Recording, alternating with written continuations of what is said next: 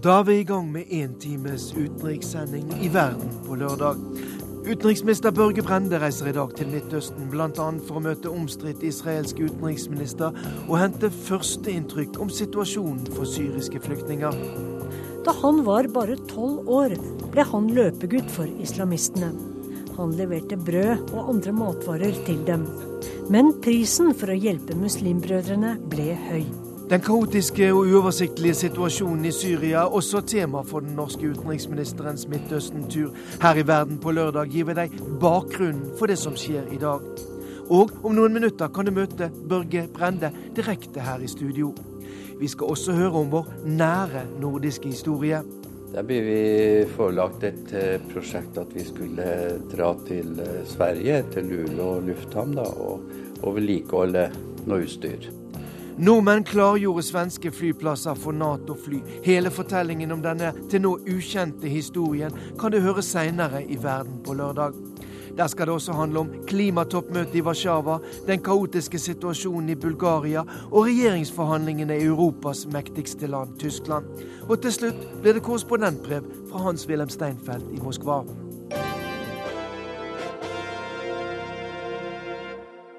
Ja, Norges utenriksminister Børge Brende reiser om noen timer til Midtøsten, der han altså skal møte israelske og palestinske ledere, og i tillegg besøke leirer for syriske flyktninger. Kollega Sigurd Falkenberg Mikkelsen, du er med oss fra Jordans hovedstad Amman. En eh, fredsløsning mellom palestinere og israelere 20 år etter Oslo-avtalen er ikke akkurat det den norske utenriksministeren kan håpe skal dominere samtaler de nærmeste dagene?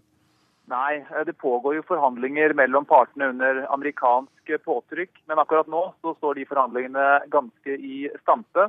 Eh, og nyhetsbildet eh, domineres jo av helt andre ting her i Midtøsten.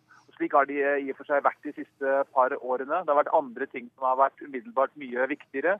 Situasjonen i Egypt, borgerkrigen i Syria og nå også Iran-forhandlingene i Genéve.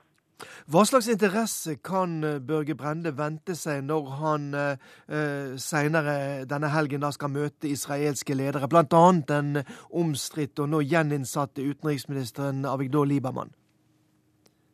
Jeg tror nok de eh, israelske lederne er ganske uh, spente på hva som uh, Brende har å si. Uh, han er den tredje norske utenriksministeren som reiser til Israel på Eh, ganske kort tid. Men han var den første på svært lenge som kommer fra en høyredominert eh, regjering. Eh, og som til overmål regjerer sammen med Fremskrittspartiet. og De har jo uttalt at de ønsker en mer balansert politikk i Midtøsten, som jo er newspeak for en mer Israel-vennlig holdning. Så jeg tror nok de er, gleder seg til å høre hva, hva Brende har å si. Den norske utenriksministeren får jo også under besøk en føling med borgerkrigen i Syria gjennom eh, flyktninger i, Jordan, der du befinner deg nå. Eh, uh, her handler det vel i dag bare rett og slett om å få frem nødhjelp til de millioner som er rammet av krigshandlingene. Ingenting tyder på at borgerkrigen vil ta en snarlig slutt. Nei, det gjør ikke det. Og Syria er et beksvart kapittel. Krigshandlingene pågår for fullt inne i landet. Eh, regjeringsstyrkene gjør eh, ganske store framskritt, mens opposisjonen er splittet. Eh, de har også inngått en allianse, mange av de største opprørsgruppene, i en slags islamsk front. Samtidig som libanesiske og sjiamuslimske Hizbollah kjemper på regjeringens side, og de får støtte fra Iran. Så dette er en konflikt som, er, som preger regionen. og det syriske folk utsettes jo for nærmest ufattelige lidelser, og slik har det vært nå de siste, de siste to årene. Velkommen hit til Verden på lørdag, utenriksminister Børge Brende. Hva er årsaken til at du eh, prioriterer en slik tur til Midtøsten akkurat nå? Det er jo slik at eh, Norge har formannskapet i den såkalte giverlandsgruppa eh, for Palestina, hvor man da støtter opp om det økonomiske og finansielle stabiliteten på Vestbredden. Det skal jeg da jobbe videre med i eh, Midtøsten. Det er viktig, og dette var jo også en del av samtalene med utenriksminister John Kerry i DC, hvor han legger stor vekt på stabilitet i Ramallah og på Vestbredden når man nå uh, forhandler. Og I tillegg så er jo dette en god mulighet da, til å bli kjent med den israelske ledelsen, palestinske ledelsen, og som også ble sagt her, samtaler med, King, nei, med kong Abdullah i Jordan, og også se på den utrolig vanskelige flyktningsituasjonen som Eh, også Jordan står overfor, i likhet med Libanon, Tyrkia og Irak. I forrige uke så ble jo den uh, omstridte konservative Avigdor Libaman igjen innsatt som utenriksminister i uh, Israel etter at en domstol hadde frikjent ham for omfattende anklager om korrupsjon. Du skal møte Libaman under din reise nå. Hvordan ser du på det? Jeg ser frem til å møte utenriksminister Libaman.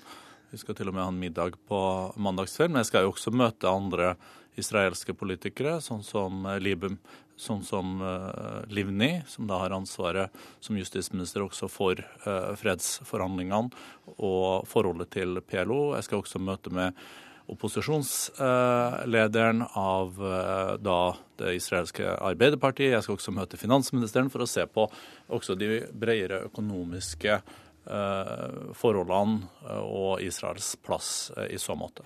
Kollega Sigurd Falkenberg Mikkelsen sa at det er forventningen om, om en mer Israel-vennlig linje fra Høyre-Fremskrittspartiregjeringen. Er det noe du kommer til å signalisere overfor israelerne i dine møter der? Det som står i regjeringsplattformen fra Sundvolden, er at regjeringa skal ha en balansert Midtøsten-politikk, og hvor vi jobber for en tostatsløsning Eh, mellom Israel og Palestina. Og Det er utgangspunktet også for de samtalene som jeg har eh, i Israel, Palestina og i Jordan. Har du fått noen signaler fra israelsk hold om hva de forventer fra deg nå, under dette besøket? Nå har jeg jo ikke kommet til eh, Israel ennå, så vi får jo ta det når vi kommer dit. Jeg er jo opptatt av at man må i en forhandlingssituasjon også kunne garantere Israels sikkerhet, både i dag og i fremtida. Men det er også slik at man nå må få på plass en tostatsløsning mellom Israel og Palestina. Man må finne løsninger på flyktningsituasjonen, og man må finne løsninger også for uh, Jerusalem. Så det er et komplekst bilde som uh, da uh, møter meg, og som det også ble sagt. Parallelt med dette så pågår det jo nå intense forhandlinger i Genéve knytta til kjernekraft og Eh, og Iran. Du skal også møte syriske flyktninger, og det skal handle om den blodige borgerkrigen i Syria her i verden på lørdag. Den regjerende Assad-familien og islamistene har en lang historie med strid, der tidligere president Hafez al-Assad i sin tid jevnet hovedkvarteret til det muslimske broskapet med jorden. Utenriksreporter Sissel Wold har laget denne reportasjen for Verden på lørdag. طبعا الثورة بال80 تختلف عن الثورة هلا ثورة ال80 كانت ثورة جماعة På 80-tallet var opprøret mye mer ideologisk. Det muslimske brorskapet hadde én tanke, én religion, og trakk i samme retning.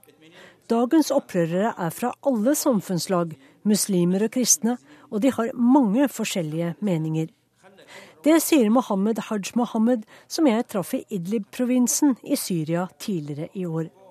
Han har et lunt smil, et gråstenget skjegg og et rutete skjerf knyttet som en turban rundt hodet.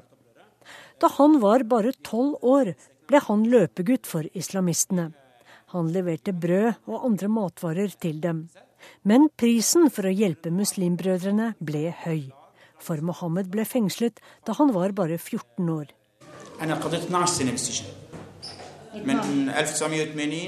14 år gammel satt jeg i Tadmor-fengselet. Der satt jeg i tolv år, helt til 1992. Det fengselet var et helvete på denne jord. Vi fikk lite mat, vi var mange i samme celle, og en dusj, ja det kunne du bare drømme om, minnes Mohammed Haj Mohammed. For den daværende president Hafez al-Assad hatet det muslimske brorskapet, og omvendt. Håndlangere og hjelpere ble straffet. I 1970 tok alavitten Hafez al-Assad, far til Bashar, makten i et militærkupp. Alawittene hadde med tiden kommet seg opp og frem, både i militæret og i Baath-partiet. Nå plasserte Assad sine folk i nøkkelposisjoner i hæren, i etterretningen og i det politiske maktapparatet. Islamistene protesterte mot det sekulære og nasjonalistiske Baath-partiet, og mente da, som nå, at alawittene er kjettere og vantro, og ikke ordentlige muslimer som dem. Hafez al-Assad svarte med å forby det muslimske brorskapet. Ja, det ble dødsstraff for å være medlem. Brødrene gikk under jorden og ble mer radikale. At Hafez al-Assad blandet seg inn i borgerkrigen i Libanon i 1976, opprørte brorskapet. Og da en rekke fremstående alawitter ble tatt av dage, mistenkte Assad islamistene. Disse drapene førte til full krig mellom islamistene og alawittene. Og det toppet seg da en gruppe forsøkte å ta livet av president Hafez al-Assad i 1980. Nå bestemte presidenten seg for å tilintetgjøre Det muslimske brorskapet i Syria. Den britiske journalisten Robert Fisk ble vitne til massakren i muslimbrødrenes bastion Hama.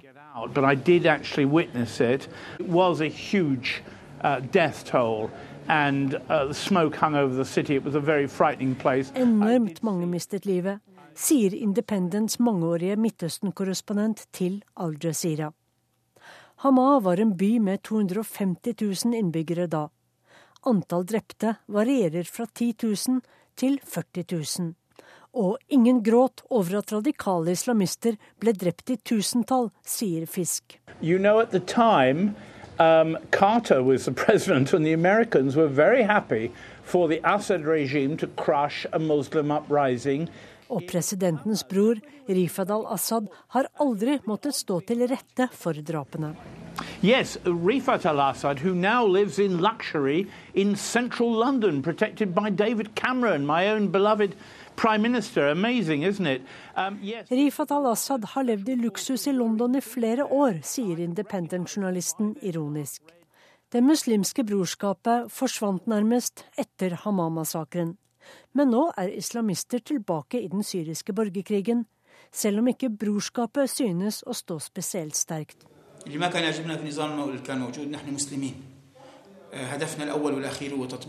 Opprøret på 80-tallet rettet seg mot et regime som tok makten ved et militærkupp, og som ikke lot folk få praktisere sin religion. Men brorskapet hadde ikke den brede støtten opprøret har i dag. Derfor greide regimet å slå det brutalt ned da, sier den tidligere løpegutten, som i dag jobber med regnskap. Så tar vi med at uh, det kommer meldinger nå i formiddag om at det islamske opprøret i uh, Syria har tatt kontroll over landets viktigste oljefelt lengst øst i landet. Men som alltid når det gjelder Syria, meldingene er ikke bekreftet ennå.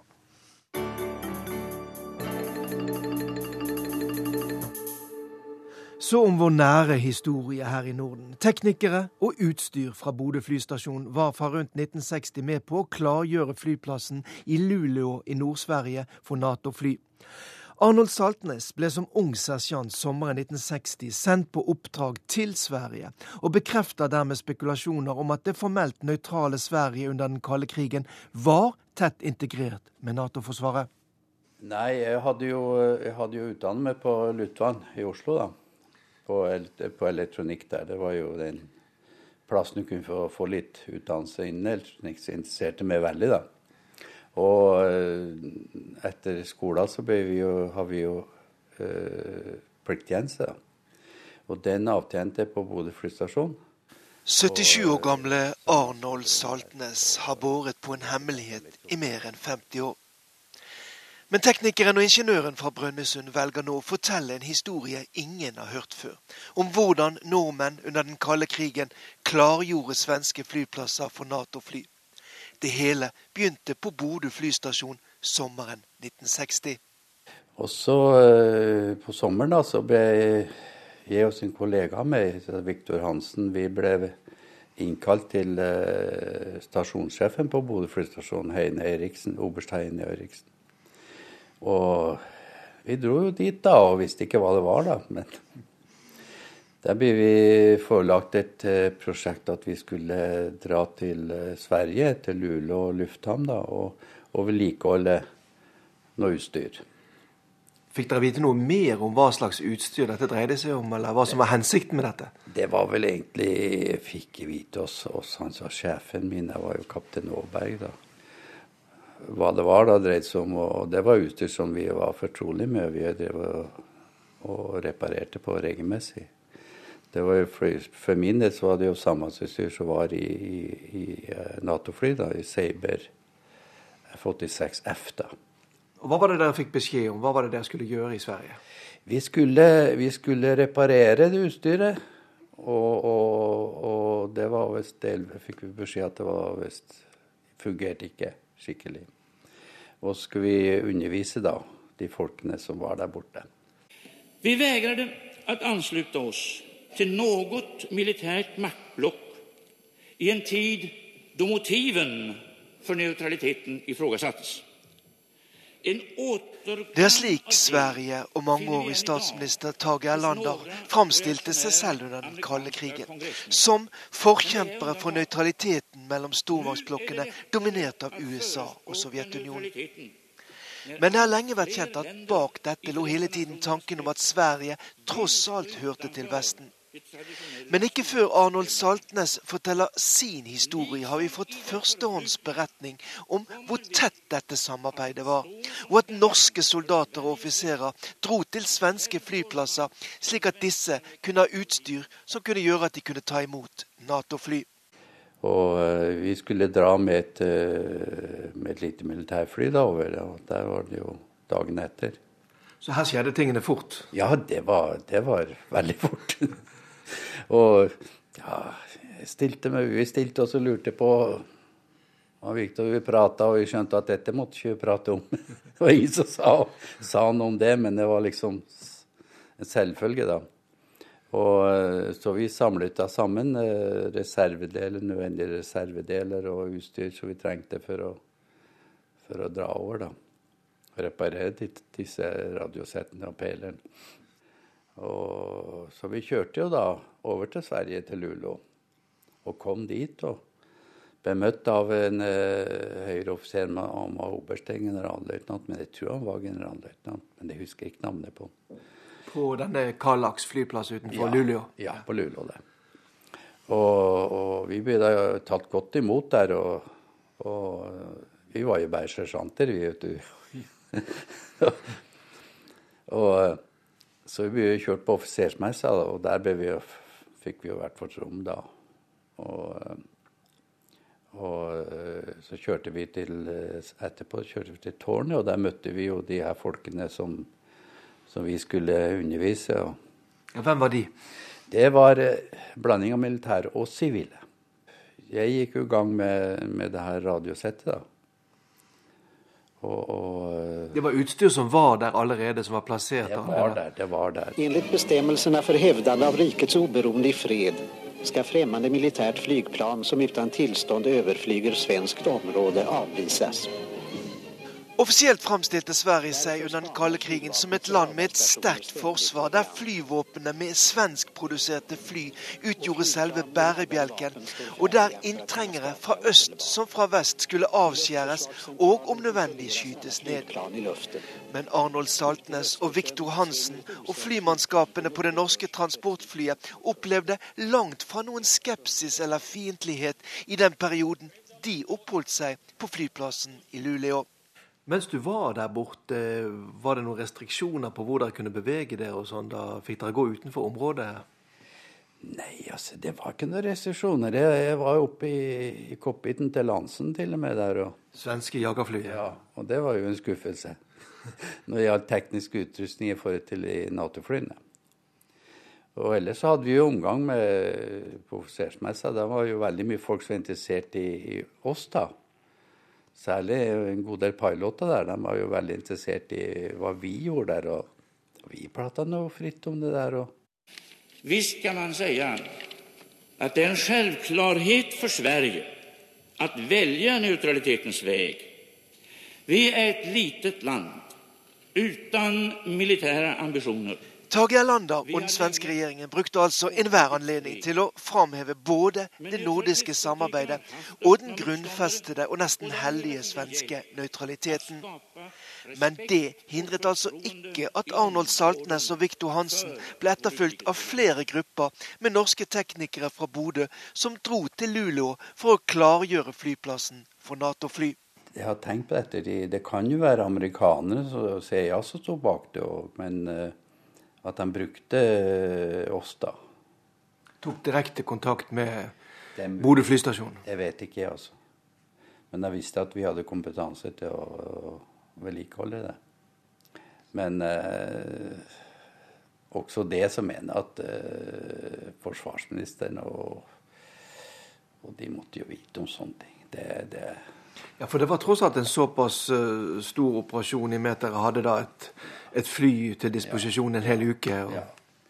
Det var det, og det var jo, eh, det var jo lagt lokk på det uten at vi fikk noe beskjed om det. da. Det, det var en selvfølge, tror jeg, at vi holdt det tett. Vi prata ikke om sånne ting. Arnold Saltnes var det. Og Magnus Petterson, du er forsker og historiker tilknyttet Institutt for forsvarsstudier. Hvordan reagerer du på det du nettopp har hørt? Ja, for det første så er det jo alltid um, interessant å, å få nye, nye, fakta på området. Men jeg kan jo si generelt sett at det her faller jo da inn i et, et mønster som vi ganske vel kjenner til eh, redan. Nemlig at man hadde relativt utbygda eh, kontakter på det luftoperative området, liksom underrettelseområdet. Men den gangen når dette skjedde, rundt 1960, så var det helt stilt om disse sakene, også i Sverige? Ja, den, den, svenska neutralitetspolitiken hadde jo blivit komprometterad då och det var jo ikke noe som man i den svenska regjeringen var särskilt intresserad av.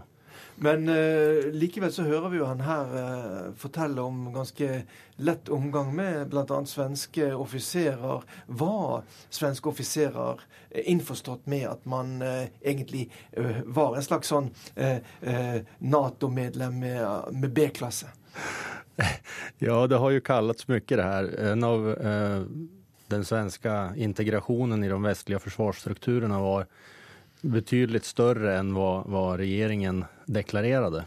Som du sa, så var dette den gangen et ytterst følsomt eh, spørsmål. Nå jobber jo du med sikkerhetspolitikk i Norden i dag også.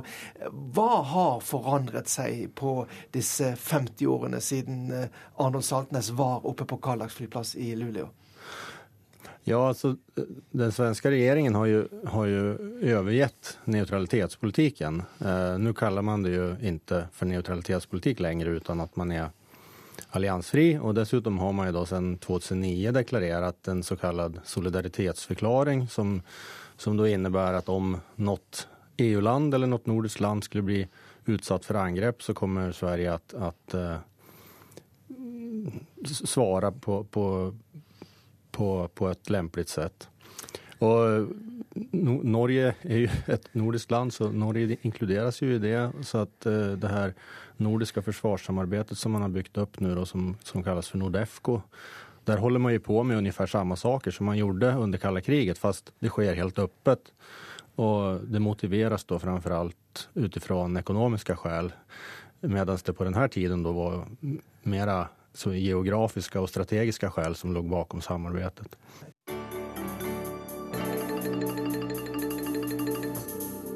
Klokken er blitt eh, fire minutter på halv tolv, og du lytter til Verden på lørdag. Der vi den neste halvtimen bl.a. skal til den kaotiske situasjonen i Bulgaria. Eh, han var rimelig da frittalende. Han tok spørsmålet og sa hvem er det som styrer dette landet? Hvem er det som tar beslutningene? Norges ambassadør Guro Vikør møtte denne uken Bulgarias president Rosen Plevneljev. Om noen minutter kan du få høre mer om dette møtet. Men først skal vi tilbake til klimatoppmøtet i Warszawa. Som vi hørte i eh, nyhetene nå nettopp, så reiser den norske miljøvernministeren Tine Sundtoft nå hjem fordi det ikke ser ut til å være mulig å få til en klar avtale om veien videre for å få ned utslippene av klimafarlige gasser. Klimafinansiering har vært et brennhett tema under FNs klimaforhandlinger i Warszawa de siste to ukene. Fattige land ber de rike om å lenge, legge penger på bordet. Og særlig fra de små, utsatte øystatene kommer det nå sterke og klare krav. Vi har møtt Marlene Moses fra et av verdens minste land. Det er fredag ettermiddag på det enorme stadionanlegget i Warszawa. Et to uker langt FN-møte er i ferd med å gå mot slutten. I korridorer og møterom er det fremdeles hektisk aktivitet, men noe er i ferd med å pakke sammen. Her i kafeen utenfor delegasjonskontorene møter jeg Merlin Moses. Også hun er snart på farten hjem til stillehavsøya Nauru. I come from Nauru, which is a single island 21 and a. You can go around it by car in less than 30 minutes. Try and imagine that. One of the is it one of the smallest republic, if not the smallest republic in the world, one of the smallest UN member states. That is where I come from. 21,5 kvadratkilometer stor. Du kan kjøre rundt øya på mindre enn en halvtime. Det er et av de minste landene i verden. Hun representerer de 10 000 innbyggerne som FN-ambassadør for Nauru. Hun er uroa over den utviklinga hun ser. At the moment, because of climate change and the adverse impacts of climate change, we're in the third year of a harsh drought. Not one drop of rain has dropped on my island. We are experiencing extreme coastal erosion. Pga. klimaendringene opplever vi tørke og erosjon, og når havet stiger, er vi ekstra utsatte for vind og uvær, sier hun. Nauru er med i AOSIS, en allianse av 44 små øystater. Små, lågtliggende land i Stillehavet, Det indiske hav, Afrika og Karibia. we formed an alliance because climate change is a challenge that is a priority for our survival, for our sustainable development, and for our livelihood, full stop. De lar stemma si høres tydelig og klart her på FNs klimakonferanse. De stiller krav. Det handler om det grønne fondet, som fra 2020 skal kunne bruke 100 milliarder dollar i året til å hjelpe fattige land med å tilpasse seg klimaendringene og å kutte i sine egne utslipp. Men det handler minst like mye om det som blir kalt tap og skade. Øystatene er fremst i køen for å be om kompensasjon for skade de mener klimaendringene allerede har påført dem. We want to see the Green Climate Fund operationalized with real money in the fund. Um, Vi vil se Det grønne fondet i aksjon. Vi vil få på plass et stabilt og velfungerende system for klimafinansiering, sier Marlene Moses. This is a responsibility that developed countries should be taking, just as they should be taking the lead on reducing greenhouse gas emissions. I believe that it is now time for one to take the responsibility that should be taken. Dette er et ansvar de rike landene må ta. Nå er det tid for virkelig å ta det ansvaret som må takes. I am sure, with all my heart, that they are able to take more responsibility. How do you see the future for your nation and your nations if if the ritual is not acting?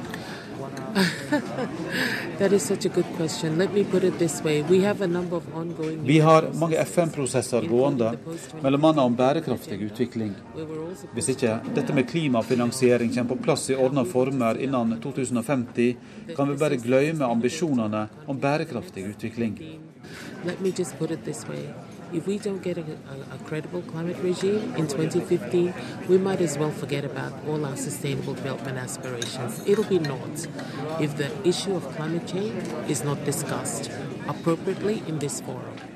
Det sa ambassadør Marlene Moses fra et land kanskje de fleste ikke har hørt om, Nauru, den lille øystaten i Stillehavet. Altså et land som du kunne høre mer om her i Verden på lørdag.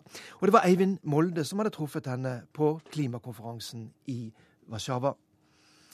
Denne uken har det vært nye store demonstrasjoner i Bulgaria, og mange frykter at den ustabile situasjonen i landet kan komme helt ut av kontroll. Den skjøre koalisjonen ledet av Sosialdemokratene har bare sittet ved makten i noen måneder, men beskyldes for omfattende korrupsjon og maktmisbruk. Hans Christian Hansson har laget denne reportasjen.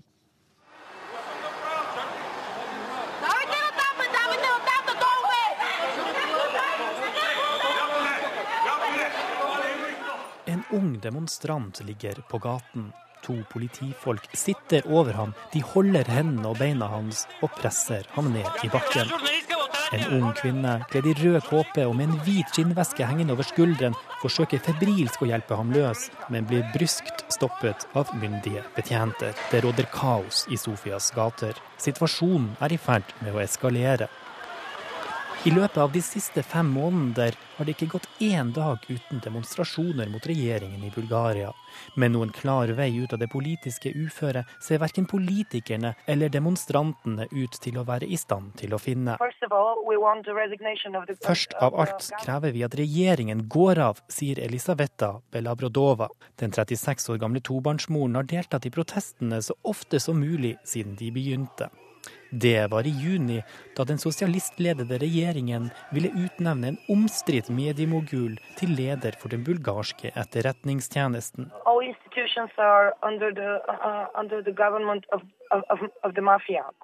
alle institusjoner står under mafiaens kontroll. Domstolene, politiet, forvaltningen. Alt, sier Elisaveta.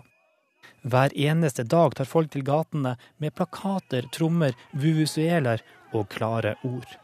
De vil ikke lenger finne seg i at grensene mellom politikk, butikk og egeninteresse i beste fall kan synes uklare. Du kan ikke stole på noen, sier 36-åringen. De siste dagene har protestene tiltatt i styrke etter at studenter har okkupert et av universitetene i hovedstaden. Byen er totalt blokkert av politiet, særlig sentrum. 3000 politifolk overalt i gatene. Noe slikt ser du ellers bare i diktaturer, ikke i europeiske land. Og det blir bare verre og verre, hevder hun. Ting har blitt riktig tøffe de siste 15 dagene, sier demonstranten. I befolkningen synes protestene å ha bred støtte. Over halvparten av bulgarerne mener at det må tas grep. På toppen av generell misnøye med styre og stell har finanskrisen, økende arbeidsledighet og stigende priser gjort hverdagen enda vanskeligere for mange innbyggere i EUs fattigste land. I vintermørket i Sofia har Elisaveta ingen planer om å gi seg. Jeg er på gaten for demokratiets skyld, sier hun. Og der blir hun så lenge det behøves. Guro Vikør er til vanlig norsk ambassadør i Bulgaria, og hun mener det er en vesensforskjell på demonstrasjonene vi ser nå, og de som var mot den forrige borgerlige regjeringen i Bulgaria. Demonstrantene under den forrige regjeringen, i, eh, det var store demonstrasjoner i februar, det gikk på økt levestandard. Altså behovet eh, for mindre, lavere elektriske priser. Eh, dette er EUs fattigste land. Det er veldig lave lønnsnivå. Det er dyrt for bulgarerne. Så det var en reell fokus på den økonomiske situasjonen. Mens det, det vi har sett nå fra juni, er rett og slett en kanskje til tider sunn reaksjon på et regime som aldri har tatt eh, et land som aldri har tatt oppgjør med kommunisttiden, og der sivilbefolkningen har på en måte vært eh, eh, skal jeg si, ikke, må ikke kuet, så iallfall passive. Du møtte jo senest denne uken her landets president. Hva var det som skjedde på det møtet? Ja, det, Presidenten inviterte alle EU-ambassadører pluss Norge og Sveits til en frokost, og da, eh, som var rimelig, eh, eh, han var rimelig da frittalende. Han tok spørsmålet og sa hvem er det som styrer dette landet? Hvem er det som tar beslutningene? Og Grunnen til at han sa det på den måten, var at eh, regjeringen har ikke lagt fram en koalisjonsavtale. Slik at man veit ikke hvilken avtale er det mellom disse tre partiene. Dette med korrupsjon er jo også noe som vi hørte i reportasjen folk er veldig opptatt av. Det er noe som du og dine ansatte på ambassaden lever veldig tett på. Du har noen eksempler på det? Ja, altså jeg som diplomat og vi som utsendte opplever det nok ikke på kroppen. Men de ansatte opplever det.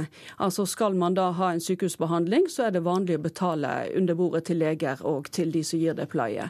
Og eh, korrupsjonen er nok eh, Det ser man jo korrupsjonsstatistikken, at eh, Bulgaria scorer lavt. Det har de også til felles med mange av sine naboland. Men hva uh, skjer videre nå, da, eh, Guro Vikø? Det kan jo uh, kanskje gå mot en virkelig tilspissing av situasjonen i Bulgaria. Hvor mm. polarisert, hvor uh, alvorlig ser du på situasjonen akkurat ja, når, når, demonstrasjonene begynte, så var de jo veldig fredelige, og også veldig humoristiske. Det var diktlesning, det var sykkel med banner, det var, det, det var mye humor og varme i demonstrasjonene, og som var veldig bredt representert av, folket. Av folket. nå er det litt mer tilspissing. Det ser vi også da på reaksjonene, og også motdemonstrasjonen. Det var jo en motdemonstrasjon der nå for noen dager siden, der folk var busset inn fra eh, landsbygda i Bulgaria til en motdemonstrasjon. Kan situasjonen bli farlig? Så? Vel, jeg håper ikke det. Og jeg tror jo også at um, at det vil gå mot eh, avklaringer. Presidenten oppmuntrer jo parlamentet til å prøve å samarbeide bedre, bli enige om noen verdier, noen målsetninger man kunne ønske for landet. Og Her er det jo også en betydning at eh, søsterpartiene i Europa tar mer kontakt med sine partier i Bulgaria. Nå går vi mot et EU-parlamentsvalg i mai, og mange tror vel kanskje nyvalget kan komme på det tidspunktet. Så jeg, jeg håper at eh, de gode kreftene klarer å snakke sammen.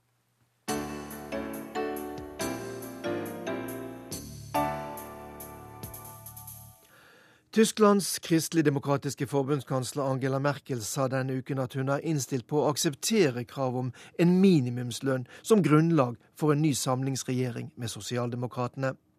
Tyskland står fortsatt uten ny regjering to måneder etter valget, og fortsatt er det rundt 100 uløste spørsmål i forhandlingene.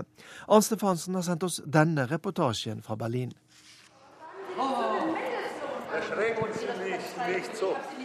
Det har vært et daglig innslag i tyske medier i mange uker nå. Travle politikere på vei til og fra regjeringsforhandlingene, mens journalistene prøver å snappe opp en nyhet, som oftest uten hell. Altså, jeg tror vi var så om og bei jeg mener vi var rundt to og en halv meter fra hverandre. Det var bredden på forhandlingsbordet, sier SPD-politikeren med et bredt glis.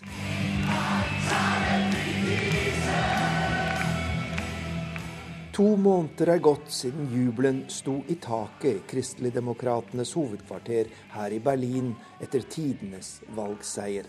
Men det var en seier med bismak. For CDUs regjeringspartner Fridemokratene falt under sperregrensen, og dermed måtte Angela Merkel og hennes partifeller søke støtte hos den rød-grønne opposisjonen, og der var det lite vilje til samarbeid.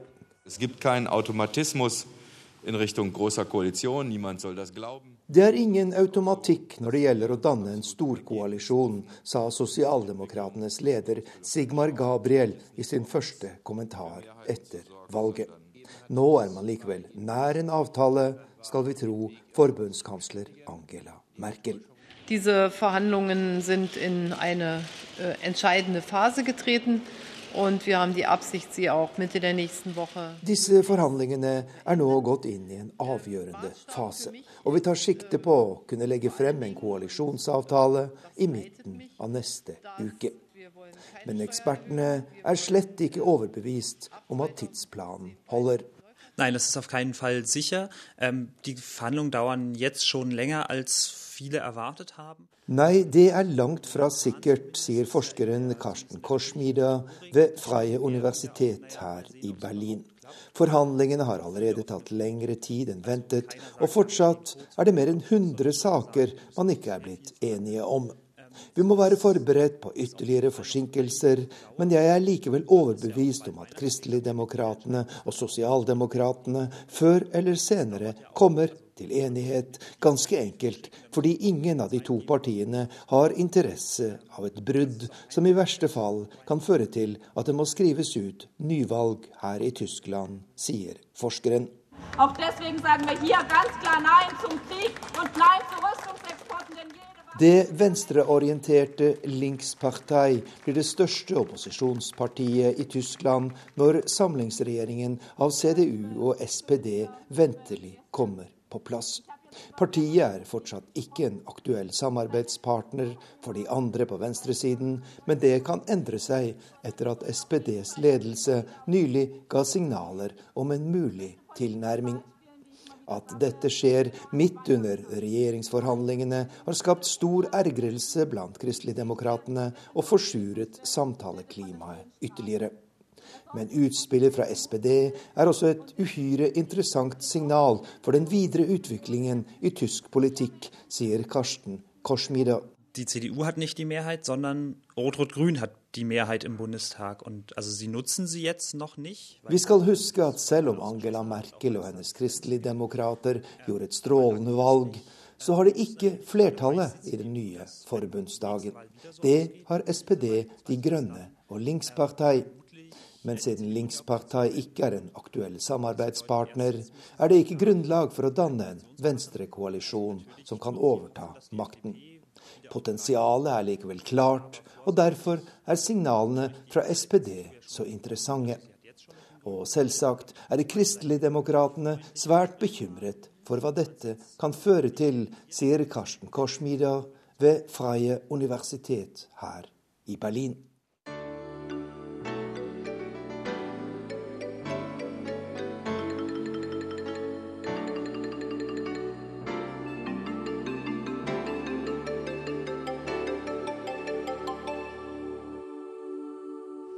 I går så var det 50 år siden USAs president John F. Kennedy ble drept. Det er vel få som ikke har fått med seg markeringen av det.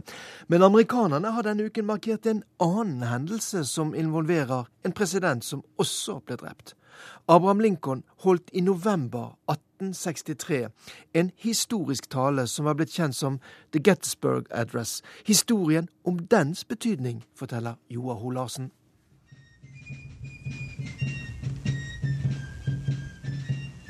Amerikanerne er gode til å gjenskape historiske hendelser.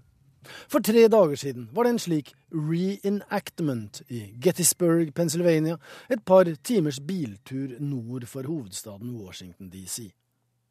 Der fremførte skuespiller og historiker James Getty president Lincolns Gettysburg-tale, en kort hilsen på et par minutter, som angivelig ikke gjorde noe utslettelig inntrykk på de tilstedeværende den gang men som er blitt stående i historien som en av de mest betydningsfulle og bemerkelsesverdige ytringer i amerikansk historie. Lincoln's 272 words gave meaning to the terrible sacrifices wrought by the Battle of Gettysburg and the Civil War. He asked the country to rededicate itself to a new birth of freedom. Det var gått fire og en halv måned siden slaget ved Gettysburg, et av borgerkrigens mest blodige, men nærmere 8000 soldater drept i løpet av tre dager i juli. Men slaget ved Gettysburg ble et vendepunkt. Sørstatene hadde brutt ut og erklært uavhengighet på grunn av slavespørsmålet. President Abraham Lincoln og nordstatene ønsket nemlig å avvikle slaveriet. I sin Gettysburg Address oppsummerte presidenten på en enkel og pedagogisk måte hva krigen dreide seg om. For fire snes og syv år siden, altså i 1776, sa Lincoln, skapte forfedrene en ny nasjon unnfanget i frihet og basert på prinsippet om at alle mennesker er likeverdige. Fourscore and seven years ago, our fathers brought forth on this continent a, a new nation, conceived in liberty and dedicated to the proposition that all men are created equal. Formuleringen at alle menn er like mye verdt, er hentet fra den amerikanske uavhengighetserklæringen, selve begrunnelsen for løsrivelsen fra Storbritannia. Og formuleringen kan også ses som begynnelsen på slutten av slaveriet. And the government of the people, by the people, for the people, shall not perish from the earth. 18 måneder etter denne talen var utbryterstatene beseiret. Sørstatskonfederasjonen hadde lidd nederlag, og slaveriet var opphevet. Da ble Abraham Lincoln myrdet.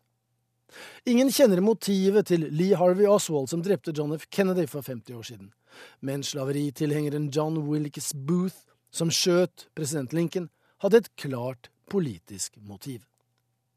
Når amerikanerne rangerer sine presidenter, blir Abraham Lincoln svært ofte nummer én, altså den beste de har hatt.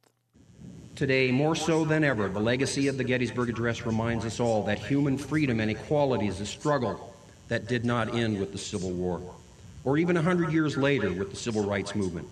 It is a struggle that still challenges us today. Men da president Obama, sammen med tidligere president Clinton, skulle hylle en forgjenger denne uken, valgte de å kjøre forbi Lincoln Memorial i Washington DC de krysset i stedet Potomac-elven og la ned krans på president Kennedys gravsted på Arlington æreskirkegård. Da var skuffelsen stor i Gettysburg, der de hadde trodd at president Obama ville være til stede for å hylle sin forgjenger og ikke minst sitt store politiske forbilde, Abraham Lincoln. Men Obama valgte altså å stå over 150-årsmarkeringen for Gettysburg-talen denne uken, på samme måte som president Kennedy for 50 år siden valgte å stå over 100-årsmarkeringen. For John F. Kennedy hadde annet å gjøre. Han skulle til Dallas, Texas, for å drive valgkamp.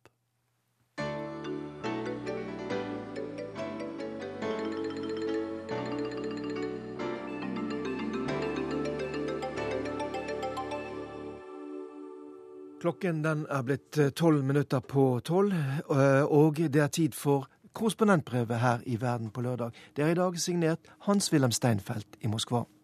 Jeg forakter den amerikanske kongressen som tillater seg å bruke en belærende pekefinger mot den russiske duma når det gjelder demokrati, for i flere år har den samme kongressen brakt USA til konkursens rand i budsjettstridene, og hva har det med demokrati å gjøre? Kraftsalven kom i den engelskspråklige avisen Moscow Times nylig og var signert den 84 år gamle republikaneren Jack Matlock. Han var assisterende sikkerhetsrådgiver for USAs president Ronald Reagan og siden amerikansk ambassadør her i Moskva. Matlock var en av de fremste sovjetkjennerne i amerikansk UD. Samtidig sitter Edward Snowden nå i politisk asyl her i Moskva, godt skjermet av FSB for betingelsen for asyl var at han ikke skal skade USAs interesser lenger fra russisk jord. Samtidig synes det klart at ikke noe har skadet den indre tillit til Nato mer siden 1966, den gang Frankrikes president Charles de Gaulle utviste Nato-hovedkvarteret fra Paris til Brussel fordi han mente USA dominerte den atlantiske alliansen for sterkt. Den amerikanske avlytningen av allierte ledere i Europa i dag er et tiltak for krigstid. Nato skulle sikre freden etter parolen 'Insurance for Peace and Freedom', men den atmosfæren av amerikansk maktmisbruk som Snowden-avsløringene har skapt, kom på toppen av den tillitskrisen som Kreml siden 2012 har sagt Russland mener rår på øst-vest-aksen. Samtidig som EU står midt oppe i sin verste styringskrise, tilbyr Den europeiske union også et utvidet partnerskap mot øst nå. I neste uke skal Ukraina og EU eventuelt inngå assosieringsavtale i Vilnius. Russland raser mot sin største handelspartner EU. Ikke med ett ord sier EU-lederne at å inngå en slik avtale må være en rett for de individuelle suverene stater, uttalte Sergej Lavrov i Minsk denne uken. Fra Europas minst demokratiske hovedstad røpet Russlands utenriksminister at han tror han kan diktere ordvalget til lederne i EU. Nå er det så gale at Lavrov polemiserer mot initiativ ut fra ord som ikke ble brukt fra EUs side. Det er inadekvat atferd å bli så sint når ingen blir redd. For Russland har i ti år kranglet med USA fra før den sviktende evnen til dialog internasjonalt utspiller seg tragisk også i håndteringen av krisen i Syria. En foreløpig diagnose kan trolig være at de internasjonale topplederne ikke klarer å fotsette seg uten den kalde krigens enkle motsetning. Når bildet av interessemotsetninger blir for sammensatt og lederne har fratatt seg selv det enkle fiendebildet, rår forvirringens tid. Da faller lederne tilbake til den kalde krigens primitive nivå. Samtidig blomstrer hat i Europa som nesten aldri før. Klare reminiscenser fra mellomkrigstiden blomstrer opp overalt. I Polen prøvde høyreekstreme å svi av Russlands ambassade lørdag for to uker siden.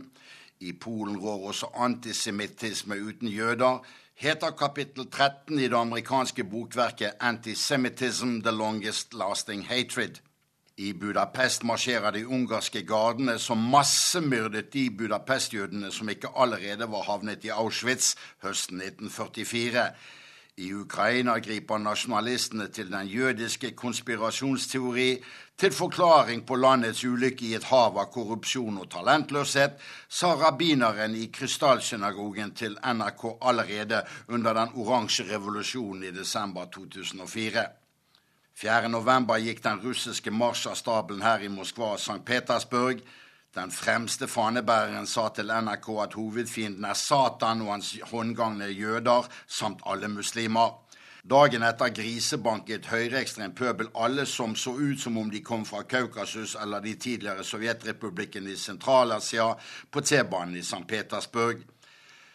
Rasismen og nasjonalismen i Øst-Europa er en idérevansjisme fra 1930-tallet. I skuffelsen over at friheten etter Berlinmurens fall og Sovjetunionens sammenbrudd ikke gjorde folk rike og velstående med en gang uten at de selv måtte jobbe mer. Det er lumpenproletariatet som marsjerer i øst, på nivået under baken på en frosk, for å bruke et ungarsk ordtak. De inadekvate lederne har katalysert frem dette marerittet i et forsøk på postkommunistisk nasjonsbygging. I verdivakuumet som oppsto ved kommunismens sammenbrudd, grep samfunnets ledere tilbake til tiden før andre verdenskrig i sin egen historie for å søke et fornyet verdigrunnlag for samfunnet. Da fant de bare fascismen, Per 1936 hadde alle stater i daværende Øst-Europa fascistlignende lover, med to unntak Tsjekkoslovakia og Estland. Nasjonalismen gjør at den xenofobe pøbel her i øst også hater hverandre, da som nå. For i vest samarbeider fremmedhaterne i Frankrike, Nederland og f.eks. Sverige med hverandre over landegrensene. Hva skjer innad her i Russland?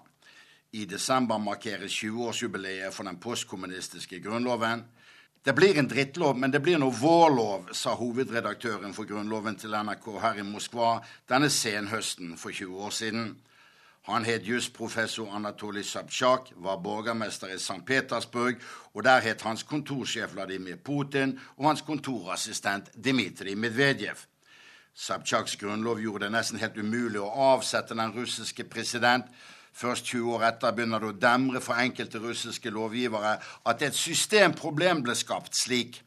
Russlands grunnlov ble hasteformulert og vedtatt bare to måneder etter at den folkevalgte president Boris Jeltsin skjøt den russiske lovgivende forsamling i senk med tanks som sin måte å bekjempe den kommunist- og nasjonalistledede opposisjonen mot seg på i 1993.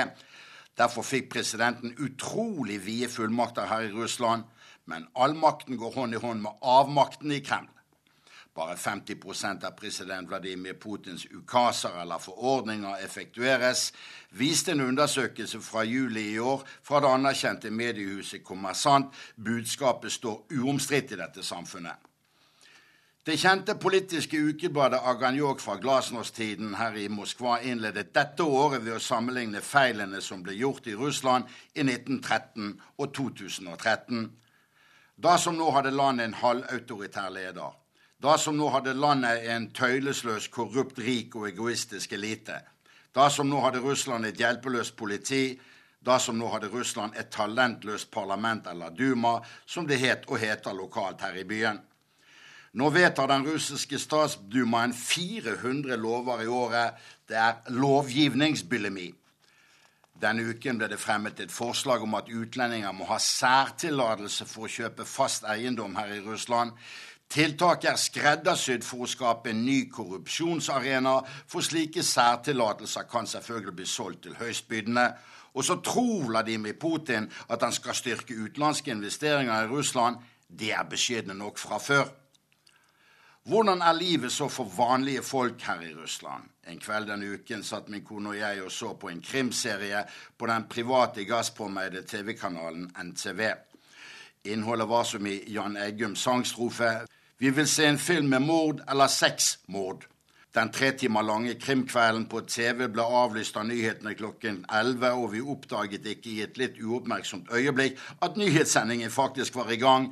Innholdet var for likt med krimserien Mord eller sexmord.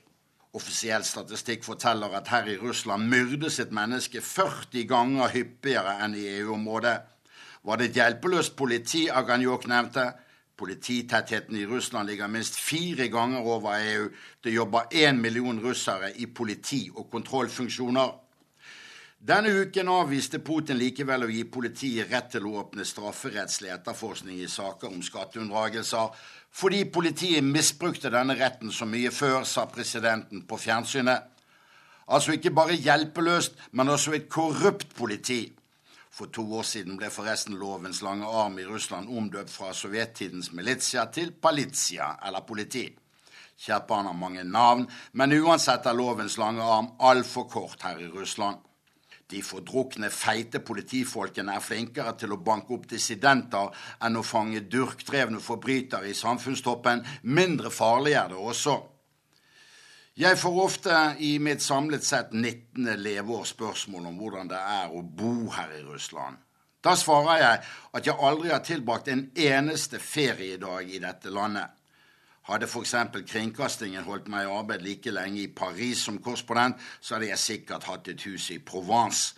Eurovisjonens mangeårige sjef fra Belgia, Dirk, her i Russland, kjøpte forresten et feriehus i palmeskråningen utenfor Aprasias hovedstad Sukhumi, med utsikt over Svartehavet sør for Sotsji for 20 år siden, da borgerkrigen kom, og en artillerisalve traff huset hans. Så det russiske samfunnet med tilliggende herligheter er jo interessant å studere, men øvelsen er ganske skummel.